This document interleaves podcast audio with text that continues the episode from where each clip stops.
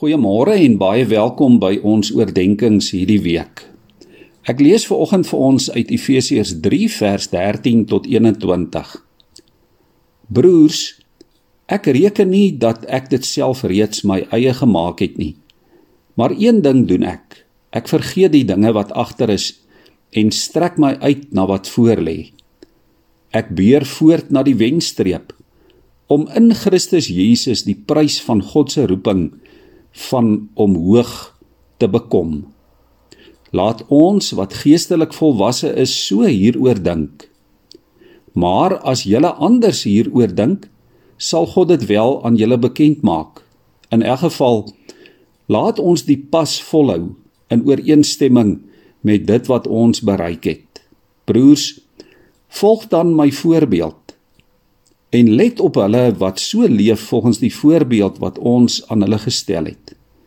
Want baie van wie ek dikwels vir julle gesê het en nou weer in trane sê, leef as vyande van die kruis van Christus. Hulle einde is die verderf. Die maag is hulle god en hulle eer is geleë in hulle skande. Hulle wat aardse dinge bedink. Maar ons ons burgerskap is van die hemel, vanwaar ons as verlosser die Here Jesus Christus verwag.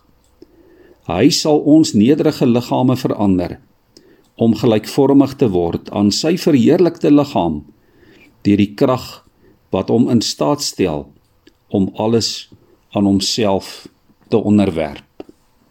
Liewe vriende, daar in die Ou Testament in Jesaja 66 vers 2 lees ons Ek slaan ag op die mens in nood. Op die een wat berou het oor sy sonde, wat ontsag het vir my woord. Dit is natuurlik God self wat daar aan die woord is. In hierdie gedeelte sê God is op die uitkyk vir mense wat berou het. Mense wat nederig en met eerbied en met ontzag lewe. Om berouvol te wees beteken om te breek. Dit beteken om gekneus te word. Om af te skaaf, om weg te sluit.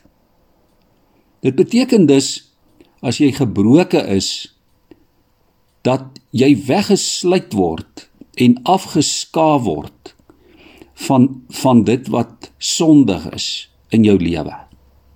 Dat dit wat sonde in jou lewe is, dat jy daarmee breek. Dat jy diep getref word, dat jy hartseer is, dat jy spyt is omdat jy God deur jou sonde te nagekom het. Jy is jammer daaroor.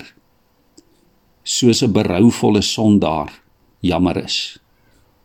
Jesaja 53 vers 5 sê vir ons hier in die lydingstyd oor ons oortredinge is hy deurboor Oor ons sonde is hy verbrysel. Die straf wat vir ons vrede moes bring, was op hom en deur sy wonde het daar vir ons genesing gekom.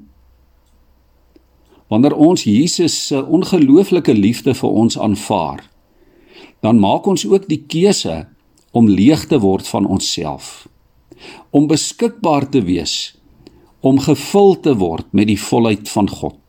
Dit is wat Efesiërs 3 vers 19 sê. En dit is die soort mense waarvoor God op die uitkyk is. Mense wat nederig van hart is. Mense wat Jesus die Here van hulle lewe gemaak het. Baie mense is tevrede om die wonderlike vryheid van verlossing om dit te aanvaar. Maar nie baie is bereid om die pad van nederigheid en van gehoorsaamheid waartoe die Here ons roep om dit te loop nie. Oorgawe is die groot geheim. En daarom vra God om vir jou te wys of daar enige iets in die pad van jou totale oorgawe aan hom staan. Is daar enige iets wat jou daarvan weerhou om jouself volledig totaal aan God oor te gee? Gee hierdie dinge vir die Here en laat hom toe om die Here te wees van jou lewe. Laat hom toe om op die troon van jou totale lewe te sit. En maak dan gereed vir 'n opwindende reis saam met die een wat jou beter ken as wat jy jouself ken. Wat jou baie meer liefhet as wat jy ooit kan dink. Kom ons bid so saam. Liewe Here, vanmôre bely elkeen van ons dat dat ons U liefhet. En Here dat ons U met ons hele hart, met ons hele lewe wil dien. En daarom is ons gebed dat U vir ons kom wys, Here, dat U asseblief vir ons kom wys dat as ek myself terugsit op die troon van my lewe. Here dat dit geen vrugte kan afwerp nie. Help my dan om myself geheel al aan U oor te gee, Here. Laat my lewe 'n offer wees in diens aan U. Gee dat ek self van die troon van my lewe sal afklim sodat U daardie ereposisie vandag en in hierdie week kan inneem. Amen.